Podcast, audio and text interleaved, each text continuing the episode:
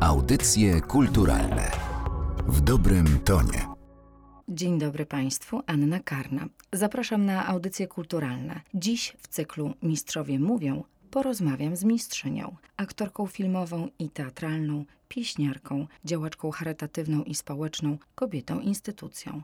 Wielu o niej mówi, aktorka totalna. Jest ze mną pani Ewa Błaszczyk. Dzień dobry. Dzień dobry. Od razu się pani uśmiecha. No bo po prostu jak słyszę te wszystkie epitety i przystawki, no to tak, no to, to, to, to się uśmiecham. To się zastanawia pani... O co chodzi? ja myślałam, że myśli pani, jak to wszystko pomieścić. Nie, nie wolno sobie zadawać takich pytań, bo trzeba robić to, co jest do zrobienia. Wśród wielu nagród dwukrotnie została pani laureatką Nagrody za Wolność w Kulturze imienia Przemysława Gintrowskiego. To nagroda dla osoby, która, tu cytat, w swojej drodze twórczej jest wierna swoim zasadom i nie idzie na kompromis ze światem. Czy zawsze była pani tak zdecydowaną osobą, wiedziała czego chce i ta droga życiowa od początku była jasna? Pewnie. Dlatego, że tatuś mi wytłumaczył dosyć wcześnie w szkole podstawowej, że on się do mnie nie wtrąca, jak ja nie mam poniżej cztery. No i potem to ja przychodziłam ze szkoły, odrabiałam to, co musiałam zrobić. To była pierwsza rzecz, żeby być wolnym człowiekiem potem. No i zobaczyłam, jak to się opłaca po prostu. I to mi zostało jakby, no już pewnie będzie zawsze ze mną, że warto no tak zrobić. Oczywiście czasem to jest męczące, bo wiem, bo tu atakuje z tyłu głowy, tak, że to nie zrobione, to nie zrobione, to nic, no nie jest to fajne. Ale z kolei jak się to zrobi, jaki luksus i wolny czas. Można go zagospodarować według własnej woli i widzi mi się. Nagroda Przemysława Gintrowskiego, przyjaciela. Właśnie tak słucham nagroda Przemysława Gini. To jest takie dziwne uczucie, bo zwykle jakaś nagroda jest jakiegoś tam króla sprzed pięciu wieków i tak nie bardzo wiemy o co chodzi. Natomiast tak mnie to, no bo, no bo, no Przemek, no po prostu Przemek, nie? Mhm.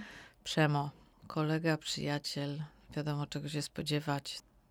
Mhm. Jak się Państwu właśnie współpracowało, żyło? No takie były osoby, Janusz Bogacki, Przemek Gintrowski, Jurek Satanowski, że mogłam tak, prawda, no napisz muzykę, ale na kiedy? Na, na przedwczoraj. No i tak żeśmy sobie pomagali, radziliśmy sobie w różnych sytuacjach, ale też to się, to inne czasy były jednak, bo teraz jakby właściwie spotykamy się tylko w robocie, a kiedyś to było takie życie, to się przewalało przez dom, przez wyjazdy, przez nocowania, przez kolacje, wspólne projekty. No przy tym się bardzo dużo rodziło. To właściwie można powiedzieć, że stale odpoczywaliśmy albo że stale byliśmy w pracy, bo po prostu zawsze z tego coś wynikało. A dziś nie ma czasu na takie życie artystyczne, ale poza trochę, poza robotą, jak pani powiedziała? Znaczy, nie wiem, jak jest wśród kolegów, którzy mają tylko teatr, kino i coś tam ale w moim życiu to mi się skończyło w ogóle, dlatego że jeśli ja mam chore dziecko, zdrowe dziecko, fundację, budowę, medycynę, opanować wszystkie te finty, fluchy między ludźmi, które się odbywają, co mnie najbardziej osłabia ze wszystkiego na świecie. Oprócz tego teatr, film, śpiewanie, radio, telewizor, no to w pewnym momencie ja bardzo się chcę spotkać z niektórymi ludźmi, ale po prostu, no znaczy zburzę wszystko. Dużo tego. Muszę przekładać jakoś i tak etapami, tak step by step. Ale jak się wtedy na przykład coś zadzieje dodatkowego, a przecież zawsze się dzieje coś dodatkowego, no to wtedy masakra. To porozmawiajmy o tych kilku cegiełkach. Zacznę od początków aktorskiej drogi, tej uczelnianej, bo jest taka postać, która jest bardzo ważna dla nas i stoi na piedestale i pani z takimi postaciami miała okazję współpracować. Myślę tutaj o Tadeuszu Łomnickim, ale z tego co wiem, początki nie były łatwe. Początek był bardzo dobry, bo on mnie przyjął do tej szkoły, ale już po wakacjach na mnie krzyczał, kto cię przyjął do tej szkoły. No mówię, pan. Nie? No ale tak było rzeczywiście średnio, aż do trzeciego roku. Jak byłam na trzecim roku, to właśnie wtedy on mi zaproponował sztuce Gelmana, tam gdzie był dyrektorem teatru. Jako student musiałam wykonywać takie polecenia, a między nami było tak średnio. On nie prowadził ze mną zajęć, prowadził jego asystent, Rafał Mickiewicz, bo po prostu właśnie się zrobił taki konflikt jakiś. Ale potem w samolocie nad Colorado, gdzieśmy razem polecieli do Kanady i Stanów, mówi, wiesz co, mam takie wyrzut w stosunku do ciebie, więc ja ci tu zrobię prywatną szkołę w tych Stanach. I rzeczywiście mi to zrobił. No i po prostu bardzo dużo się nauczyłam, a przede wszystkim rozluźniłam, przede wszystkim zrozumiałam, że mogę siedzieć na scenie, nic nie mówić i się nie denerwować, że czas płynie. No, wielka sprawa. Żeby w sposób usprawiedliwiony siedzieć na scenie, nic nie robić i mieć czas. Mhm. A czy jako aktorka walczyła pani z nieśmiałością? To był jeden z powodów, że sobie wyznaczyłam taką drogę, że raz w życiu zdam do szkoły teatralnej, ponieważ tak jak żyłam i co czułam, stwierdziłam, że żyć się nie da. To znaczy, miałam taki problem, żeby powiedzieć głośno w autobusie, proszę na żądanie wobec wszystkich, powiedzieć wiersz, który znałam na pamięć wobec klasy. Zawsze się wolałam schować i to był spory problem. Wszystko było nie tak, wszystko było gorsze. Nie mogę tak. Raz zdam. Zawsze chciałam gdzieś być w obszarze emocji, psychiki, mózgu, analizy tego, ale potem zobaczyłam, że to samo mogę robić w iluzji, w fikcji, z postacią literacką, a nie naprawdę. No i tu mi się to połączyło, a było to fantastyczną terapią. Zajęło mi sporo czasu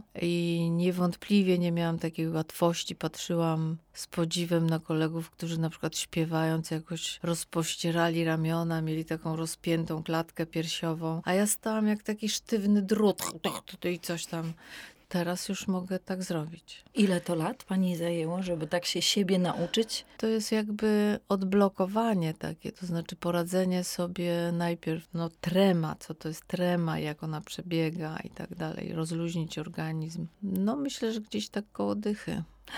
Duża liczba. No i to trzeba ciągle jakby być i to robić. I już to nie wraca. Już jak udało się to pani przepracować? Jak mam zły dzień, jak się źle czuję, to ten stan wraca. I jak sobie pani nie radzi wtedy? Nic, po prostu wchodzę w myślą dziurę i tam sobie siedzę, czytam sobie coś albo śpię. Jeśli mogę tak zrobić, to tak robię wtedy. Te pierwsze role teatralne to były takie postaci jak Julia z Romeo i Julia, Poli z opery Za trzy grosze, czy Joanna Dark teatr od razu dał pani takie ważne aktorskie kreacje. Takie filary, no, filary repertuarowe, tak. Miałam szczęście zagrać takie duże role, w związku z czym się nakarmiłam tym teatrem i potem spokojnie się mogłam zająć filmem. Ale ten film pojawił się bardzo szybko, bo on się pojawił przecież jeszcze na studiach, bo był Dźwig w 76 roku, Polskie Drogi Janusza Kuby Morgensterna w 77, 07 Zgłoś się, a ten debiut właśnie wydarzył się w filmie Kuby Morgensterna Godzina W. Bardzo ważny film, ale chcę zapytać przy tej okazji o reżysera, który podobno w sposób niezwykły opiekował się aktorami. Mam wrażenie, że właśnie to jest taka osoba, która mnie w ogóle dostrzegła. I, i Kuba miał coś takiego, że on w ogóle dostrzegał ludzi, którzy startowali w ten sposób, na przykład, nie wiem, to był Jadzia Cieślak-Jankowska, ja, jak pracował z Wajdą, to też robił obsady takie, szukał ludzi i zawsze trafiało. Za mhm. chwilę ta osoba rozkwitała. Czyli miał jakieś takie oko, ale przede wszystkim miał takie ciepło, tak chciał kogoś wyłuskać, taką miał ciekawość. Ogromny mam do niego sentyment i takie poczucie wdzięczności. Super człowiek. Chwilę później zagrała pani w serialu Dom w reżyserii Jana Łomnickiego, gdzie wcieliła się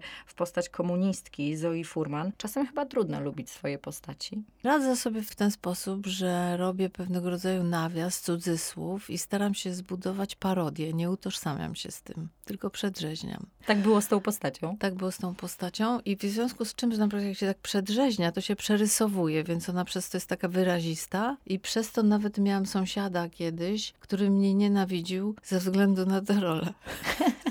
I jak sobie pani poradziła z no nienawiścią co, sąsiedzką? No co miałam zrobić? No po prostu jeśli ktoś w ogóle nie widzi, co jest rolą, co, no, to, no to już trudno, no to już jego problem, nie? Ale te ważne role bardzo szybko po sobie następowały, dlatego że chwilę później już był nadzór, postać Klary i za ten film dostała pani nagrodę w Gdyni. Wiem, że sama pani tę postać wybrała. To się chyba niezwykle rzadko zdarza młodym aktorkom. No to był taki niezwykły ryzyk fizyk bo to był debiut Wiesia Sanieckiego i mój debiut, taki duży, prawda, pełnoekranowy. Więc bardzo wiele ludzi tam chodziło, się kręciło przy produkcji i mówili, a to będzie katastrofa. Ale myśmy jakoś tak sobie spojrzeli w oczy z Wieśkiem i, i mówimy, robimy. I on mi dał ten scenariusz i mówi, wiesz co, wybierz sobie rolę, na którą masz największą ochotę, dlatego że tak bym chciał. Jakie to zaufanie? A pracowali państwo wcześniej? Nigdy. Znali się? Nigdy. To skąd to zaufanie? Nie wiem.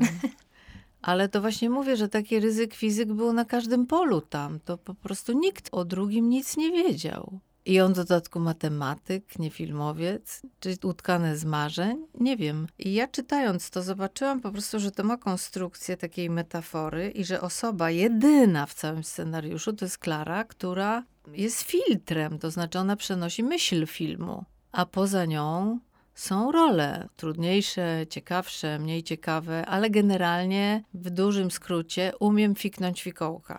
No to to udowodnię, że umiem ale tak naprawdę mnie zafascynowało, co on chce zrobić w tamtym czasie naprawdę i o czym. Ja mówię, Wiesiu, wiesz co, może to jest jakieś szalone czy nieskromne, ale chrzanie to po prostu, no po prostu mam ochotę wyłącznie na tę główną rolę. No, on mówi, no właśnie taką odpowiedź chciałem od ciebie usłyszeć. Przypomnijmy zatem kontekst tej sytuacji, bo powiedziała pani, że to było bardzo odważne z jego strony, to co w tamtych czasach chciał zrobić, czyli co? Opowiedzieć o Polsce i żeby cenzura nie zdjęła, nie zatrzymała. I tak się potem zorientowali i została ukradziona taśma, ale mądry operator Witek Adamek oczywiście miał kopię. To się to nie powiodło. Natomiast no oczywiście potem film nie wszedł na ekrany, potem chodził w jakimś podziemnym obiegu, potem była premiera ogłoszona przez Solidarność i tak dalej, no więc się dopatrzyli tego, no bo to były dwa filmy, Przesłuchanie Bugajskiego z Jandą i ten. I tamten był taki plakatowy, wyraźny, zielono-czerwony, powiedzmy, a to było jak łódź podwodna. Nawet te filtry właśnie w operatorce były stosowane, żeby wszystko miało taki kolor podwodny, czyli miało jakby pewien rodzaj tajemnicy, metafizyki, ale jeden i drugi było tym samym. I po tych ważnych e, filmach następuje zupełnie inny film. Niedawno bohaterką audycji kulturalnych była Marianna Janczarska, pani córka. Rozmawiałyśmy o napisanej przez nią pierwszej biografii Jacka Janczarskiego i wtedy zapytałam ją, czy rolę w Zmiennikach dostała pani przez znajomości. Już wiemy, że tak nie było, że to nie mąż sprawił, że pani tę rolę zagrała, ale jestem ciekawa pani wspomnień na ten temat, ponieważ po takich rolach jak Nadzór, Bluszcz, Stan Wewnętrzny, czyli takich samych właśnie poważnych, dramatycznych produkcjach, czy nie bała się pani Kasi Pióreckiej? Bałam się tego, że nie jestem śmieszna, że nie jestem zabawna, że w ogóle to będzie klapa. I to próbowałam powiedzieć Staszkowi Barei, że ja nie umiem, że po prostu przy takich gwiazdach na tym polu jak Kobuszewski, Kwiatkowska, Pokora, no mówię naprawdę, ja on mówi: Uspokój się, wiem co robię. Te postaci jak Jacek i Kasia to są postaci grawe z komedii dell'arte i macie się tak z wdziękiem przesuwać przez ekran i tyle. Oni będą na was pracować. Ja mówię, jak taka luksusowa sytuacja, to bardzo proszę. Poza tym też chciałam złamać, to też mi się nałożyło, że telefon dzwonił w sprawie kolejnej roli umęczonej Polki, matki Polki. I, i chciałam bardzo drastycznie zburzyć tę narrację. Jedno jednocześnie zaczęłam mocno śpiewać w kabarecie pod egidą. Zagrałam za chwilę jakąś próbówkę laboratoryjną, panią psycholog w jakiejś teatrze telewizji, ale chodziło o to, żeby bardzo tym ruszać, bo po prostu wiedziałam, że ten serial też nie było tysiąca programów, tylko dwa czy trzy i że to będzie bardzo mocne w sensie identyfikacji, a z kolei bardzo też chciałam, widziałam drogę Janusza Gajosa po pancernych czy poliraksy i wiedziałam, jakie to jest trudne potem zdjąć tę twarz. Zdjąć tę twarz, czy jak potem był ten kabarecik Olgi Lipińskiej, no i Januszowi Gajusowi ze względu na jego genialne umiejętności po prostu się to udało, ale też przez jakiś czas no musiał grywać no bardzo różne role, prawda? A kiedykolwiek żałowała pani Kasi Pióreckiej? Nigdy. Wspaniała przygoda, cudowny człowiek, Bareja. Tak sobie myślę w ogóle, co po nas zostanie, bo bardzo często uważamy, że takie ambitne w kino, jakieś takie, że to nieprawda. Mhm. Czas to weryfikuje i, i potem, bo też te absurdalne ukazywanie rzeczywistości to krzywe zwierciadło z miłością jednocześnie do tych bohaterów, bo taki to był myk w wypadku Barei, że jest strasznie głupio, ale kochanie. Mhm. Więc to też cenzura się też nabierała na to, bo po prostu wchodzili w to, prawda? Ale że to też jest zapis epoki poza filmem. Dziś zawsze mówimy o filmach Barei jako gigancie komedii, ale w swoich czasach nie zawsze był szanowany. No, właśnie o tym mówiłam, no szkoda, szkoda. Czy zdarzało się, że ktoś zadawał pani pytanie, dlaczego pani po nadzorze zagrała w takim? Oczywiście, nawet się, nawet się obrażali. Jak tamten pan, który no, nienawidził mnie za Zoję. No, no, no to jak ktoś ma taki problem w życiu, no ja uprawiam jakiś zawód i nie chcę być taka sama. Powiedziała pani, że nie wierzyła pani, że jest śmieszna. Czy ten film czegoś panią o sobie nauczył? mi się bardzo podoba poczucie humoru i no ale ja pewnych rzeczy nie, nie mam, no. Nie mam na przykład takiego refleksu jak Stefek Friedman, bo to trzeba się z tym urodzić po prostu, żeby mieć taki flash, że ta odpowiedź, która jest dowcipna pada, ale nie za minutę, tylko po prostu ad hoc.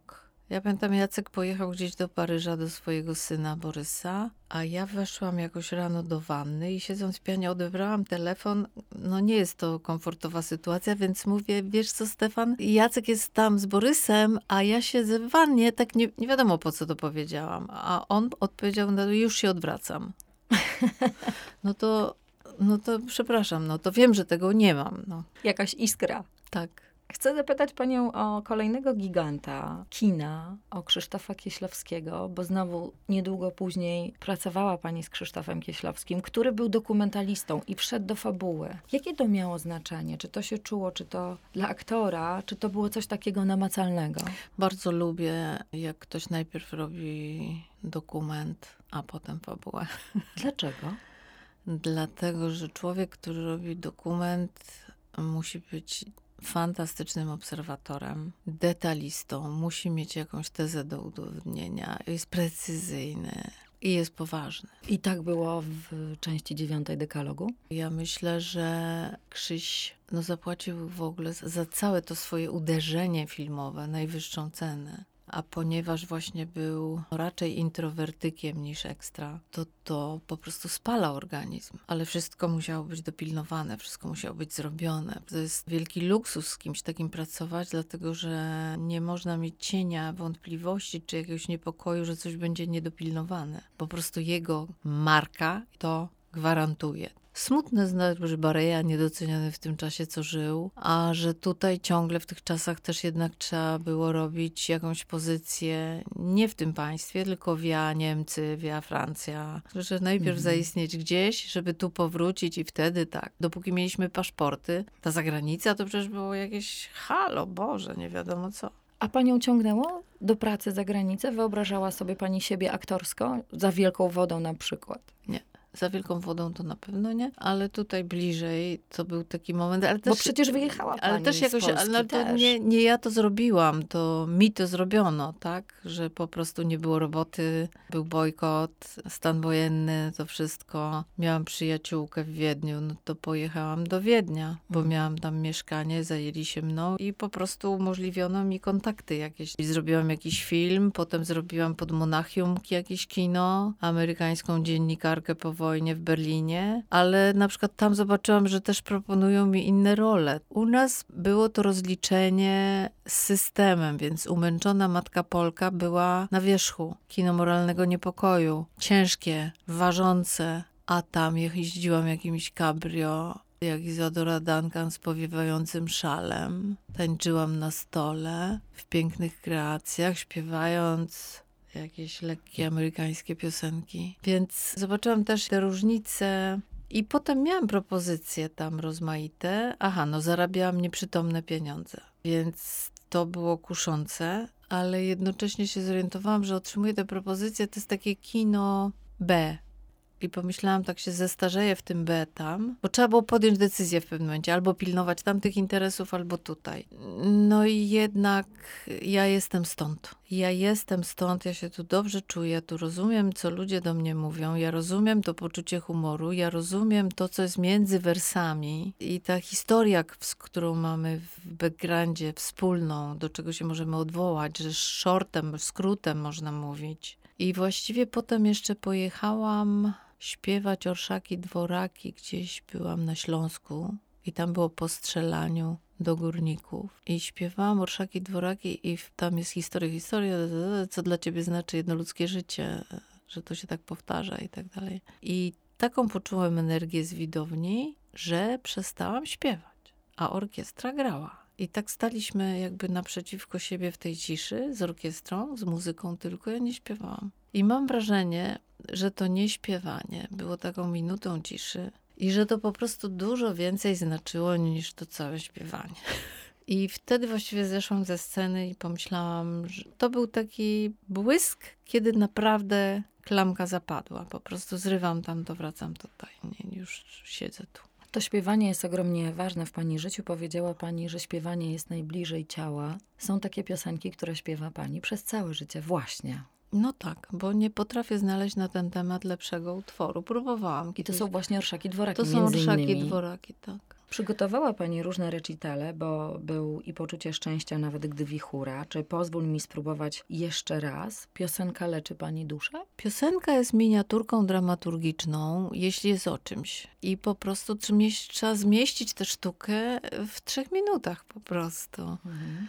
E, więc jak sobie śpiewam konie na przykład, to wyrzucam całą masę emocji z siebie, więc jest to też mm, oczyszczeniem, terapią. Porozmawiajmy chwilę o teatrze. Od 94 roku związane jest Pani z Teatrem Studio, choć oczywiście na wielu polskich scenach mogliśmy Panią i możemy oglądać. W 2008 roku przygotowała Pani monodram Rok Magicznego Myślenia Joan Didion, w którym Pani bohaterka mówi takie słowa. Życie zmienia się szybko, życie zmienia się w jednej chwili, siadasz do kolacji i życie takie, jakie znasz, kończy się. Pozostaje kwestia żalu nad sobą. Musiała mieć pani świadomość, że widzowie idąc na ten spektakl patrzą na pani bohaterkę i panią trochę jeden, jeden do jeden. Jeden do jeden, mhm. tak. Tak, no i trzeba się było przed tym obronić. Ale ten czterowiersz, który pani zacytowała, to kwestia żalu nad sobą, już daje powód do tego, żeby się zabrać za ten tekst, bo właśnie to trzeba zniszczyć. Grałam to 3 lata. Ludzie przychodzili po 7, 8, 10 razy, te same twarze. Przechodzili ze mną tę drogę. Instrukcja obsługi żałoby, tylko pilot nie działa. I po prostu przychodzili przejść tę drogę po raz kolejny, a mi to zrobiło lepiej niż 100 psychiatrów. Czyli sztuką przepracowała pani tak. traumę swoją. Tak, i to w ogóle jest super połączenie, żeby różne rzeczy sobie. Jak ja się tu zorientowałam, że to tak świetnie działa, to mi od razu poszło lżej z piosenkami, żeby też na przykład pojawiła się też taka wolność wtedy, że na przykład być może ten tekst nawet nie potrzebuje aż tyle ekspresji, ale we mnie to było, więc po prostu wow. Pamiętam, jak wtedy się spotkałyśmy lata temu, 2008 rok, i powiedziała pani takie zdanie, że jeśli chodzi o formę teatralną, to monodram nie jest to ulubiona pani tak, forma. A tymczasem, a tymczasem, potem była Oriana Falaci, chwila, w której umarłam. Nazywam się Tamara Biakow, jestem legendą. Monodramy stały się częścią pani logo artystycznego. 19 kwietnia, w 80. rocznicę wybuchu powstania w getcie, zagrałam po raz ostatni Tamarę. Z Falaci zostanę, i z recitalem zostanę. Takie dwie małe formy, które po prostu mogą jeździć. oprócz tego jestem w takich dużych przedstawieniach, które są w Warszawie. To jest Metafizyka dwugłowego cielęcia i Berlin Alexander. W Teatrze Studio. W Teatrze Studio. Wania Sonia Masza Spike, gdzie grałam po raz pierwszy właśnie z Marianną, z córką. No fajna przygoda u Krysi Jandy, ale to już też zeszło. Czyli po prostu właściwie są cztery takie produkcje w tej chwili. No być może zaczniemy Mahagony z Krystianem Ladą ale to przyszły sezon w Teatrze Studio. A jak z tym monodramem? Z monodramem jest taka sytuacja, że tam to musiałam zrobić, tak? Ten rok magicznego myślenia. Ja lubię mieć kontakt z, z, drugim człowiekiem, więc po prostu widzieć jego ciało, obserwować jego oczy. No po prostu taka wymiana, która jest naturalna. No to nie jest naturalne, że ktoś wychodzi i gada do siebie. Tak samo to śpiewanie też Ale Falaci mnie bardzo, że tak powiem, no po prostu Remek tak fajnie poskładał wszystko, co ona zrobiła. Też jest taka łatwość, taka sztampa w ocenie, na przykład, że taki bulldog polityczny, czy jakaś tam żerca i tak dalej. To są etykietki. Poznajmy tę kobietę bliżej. Ciekawa, niezwykła, odważna. Nie mówi o wojnie, dopóki sama nie wyjmie z siebie paru kulek, jak tam już pojedzie też te miłości, te związki, no po prostu osobowość jakaś, ale też taka uczciwość, rzetelność w wykonywaniu zawodu. To właśnie tego na przykład już w ogóle nie wiem, by ze świecą szukać, prawda? I przez to tak jakoś w porządku. No. Poza tym tak nie, niekoniecznie ktoś musi wiedzieć, kto to był. To też jest opowieść o matce, o związku z dzieckiem, które jest, gdzie jest dusza. Bardzo taka barwna, mocna postać. Chciałabym to długo grać, bo to jest chwila, w której umarłam. To jeszcze może mam trochę czasu. Na pewno. A tam się rozprawiłam z pewną rzeczą. Mianowicie ta, ta Mara była o czymś takim, że sobie nie radzimy właściwie z traumą, i ranimy te najbliższe osoby. Nie zgadzam się z czymś takim, bo właśnie obserwuję tego sporo, że ktoś, kto dużo przeżył ma taką traumę, tak sobie łatwo usprawiedliwia, że się obrzydliwie zachowuje, bo mu wszystko wolno w związku z tym. Nie, tak nie jest. Dlatego poprosiłam autora, żeby dopisał rozmowę z szatanem. pograłam, pograłam, opanowałam te emocje. A, starczy. Powiedziała pani, że życiową rolą okazała się klinika Budzik. Budzik, który został uruchomiony w lipcu 2013 roku jako pierwszy w Polsce szpital dla dzieci po ciężkich urazach mózgu. Ile do tej pory dzieciaków udało się wybudzić? Ponad 100 osób. No oczywiście też ich rodziny, bo to po prostu no wiadomo, że to wszyscy są zaangażowani w taką tragedię i potem się wraca. Ma sens to, no niewątpliwie ma sens, także to już właśnie w lipcu będziemy obchodzić dziesięciolecie Budzika dla dzieci, a już od kwietnia działa klinika Budzik dla dorosłych na Brudnie. Mhm. Już Czyli... jest, jest full, już jest kolejka. I czekamy na wybudzenia dorosłych. Tak. Walczą Państwo. Mhm. Dwie rzeczy mi pomogły. To, że urodziłam się kobietą i to, że urodziłam się biedna. Te rzeczy pchały mnie. Pchały. Tak pisała Fallaci. Co panią pcha w życiu? Bardzo podobnie, bo to biedna. To chodzi o to tylko właściwie, żeby musieć wszystko samemu zdobyć. Więc moja droga jest podobna. Ja nie byłam biedna. Ja otrzymałam od rodziców ciepły dom, bazę emocjonalną na całe życie, takiego ciepła rodzinnego, okej okay, stosunków otrzymałam bardzo dużo. To jest moją skarbnicą, tam sięgam, jak jest marnie. Ale potem, teraz to pokolenie na przykład dostaje na talerzu mieszkanie, samochód i widzę, jakie to jest dla nich normalne. Nie jest to normalne. Mhm. No trzeba to wszystko zdobyć i ja myślę właśnie, że to wchodzenie na górę jest najciekawsze. No potem można postać i zejść, no ale to już tak nie smakuje.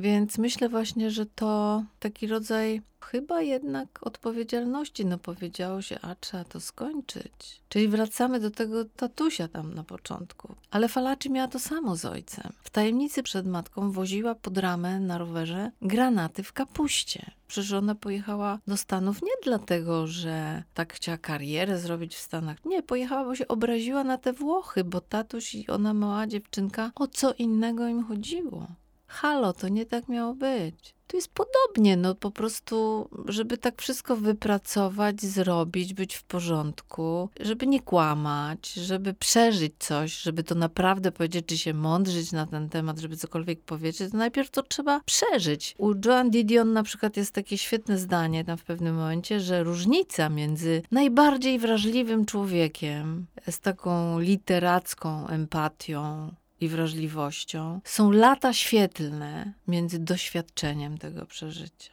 Ona umiała i pisać, i to przeżyła, więc warto posłuchać. Bardzo dziękuję za to spotkanie. Bohaterką cyklu Mistrzowie mówią była Ewa Błaszczyk. Bardzo ja dziękuję. bardzo dziękuję za zaproszenie. Audycje kulturalne w dobrym tonie.